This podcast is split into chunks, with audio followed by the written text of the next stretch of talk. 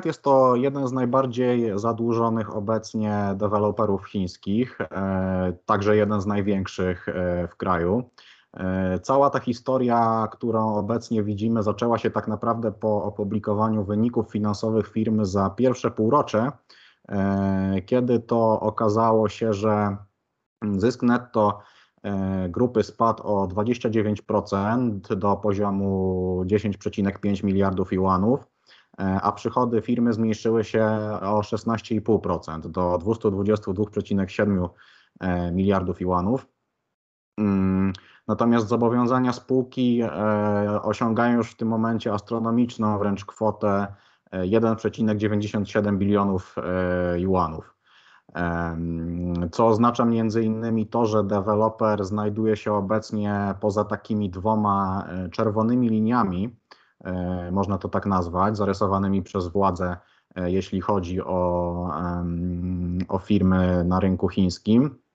I pierwsza z tych czerwonych linii wiąże się z tym, że zobowiązania spółki powinny stanowić mniej niż 70% aktywów natomiast e, w przypadku firmy Evergrande e, wynosi to już 83%, e, a druga czerwona linia mm, to krótkoterminowy dług nie może, nie może być większy niż dostępne środki pieniężne, a w przypadku Evergrande jest to już, jest to już trzykrotnie więcej. Jest to już trzykrotnie więcej. Mm, oczywiście to jeszcze wchodzi ta kwestia tak zwanej kreatywnej księgowości, E, czyli tak naprawdę nie wiemy do końca, czy te, e, czy te, czy te wyniki są miarodajne. E, natomiast na razie gigant poinformował w swoim komunikacie, że może mieć problemy z regulowaniem swoich zobowiązań. I aby tego uniknąć, ogłoszono taki plan dostosowywania harmonogramów projektów, upłynniania aktywów, ściślejszej kontroli kosztów, także promocji, promocji sprzedaży, mm, aktywnej ściąganie, aktywnej, aktywnego ściągania płatności E, a także odnawiania i przedłużania pożyczek, mm, czy też przyciągania nowych inwestorów.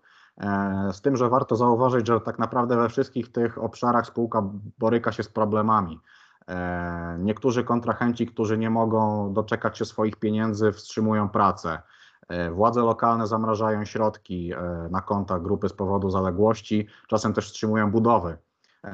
Banki niechętnie rolują kredyty, a inwestorzy z kolei się nie pchają, żeby żeby lokować kapitał w, w biznesie. Więc tak naprawdę na wszystkich tych frontach Evergrande obecnie ma, ma dość duże problemy. Mm, natomiast jeśli chodzi o pytanie, czy może upaść, czy Evergrande może upaść, e, większość ekspertów stoi na takim stanowisku, e, że tak naprawdę światu nie grozi powtórka z Lehman Brothers e, w tym momencie, dlatego że przede wszystkim Pekin ma narzędzia do tego, żeby ten problem rozwiązać.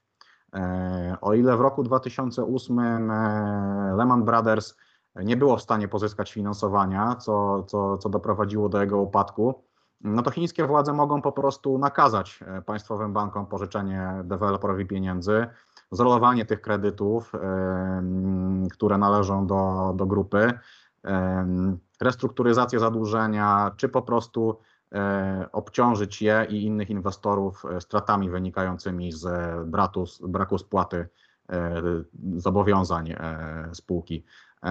Także bank centralny może też dostarczyć tutaj wymaganej płynności. To jest taka chińska charakterystyka, można by powiedzieć, związana, związana z tym rynkiem. Mm, także jedną z metod wygaszenia problemu może być także po prostu E, zagwarantowanie Evergrande e, tej koniecznej płynności na czas e, mniej panicznej sprzedaży aktywów i przedłużenie po prostu życia grupy przy pomocy takiej, nazwijmy to, kredytowej kroplówki. Oczywiście nie sposób tutaj pominąć tego aspektu bardziej politycznego, ponieważ instytucje w Chinach, instytucje finansowe mają oczywiście służyć interesom definiowanym przez partie. E, I, I Xi Jinping już nieraz pokazał, że stabilność e, wewnętrzna jest dla niego jedną z bardzo istotnych e, celów. Dlatego też istnieje taka możliwość, że Evergrande może po prostu zostać podzielone i znacjonalizowane.